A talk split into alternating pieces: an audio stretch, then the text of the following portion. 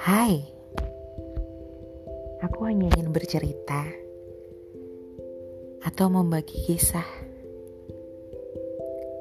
entah tentang jatuh cinta atau patah hati. Bagianku hanya untuk menangisi.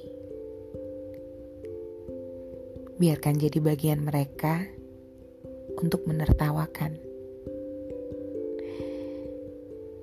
Ya, beginilah hidup.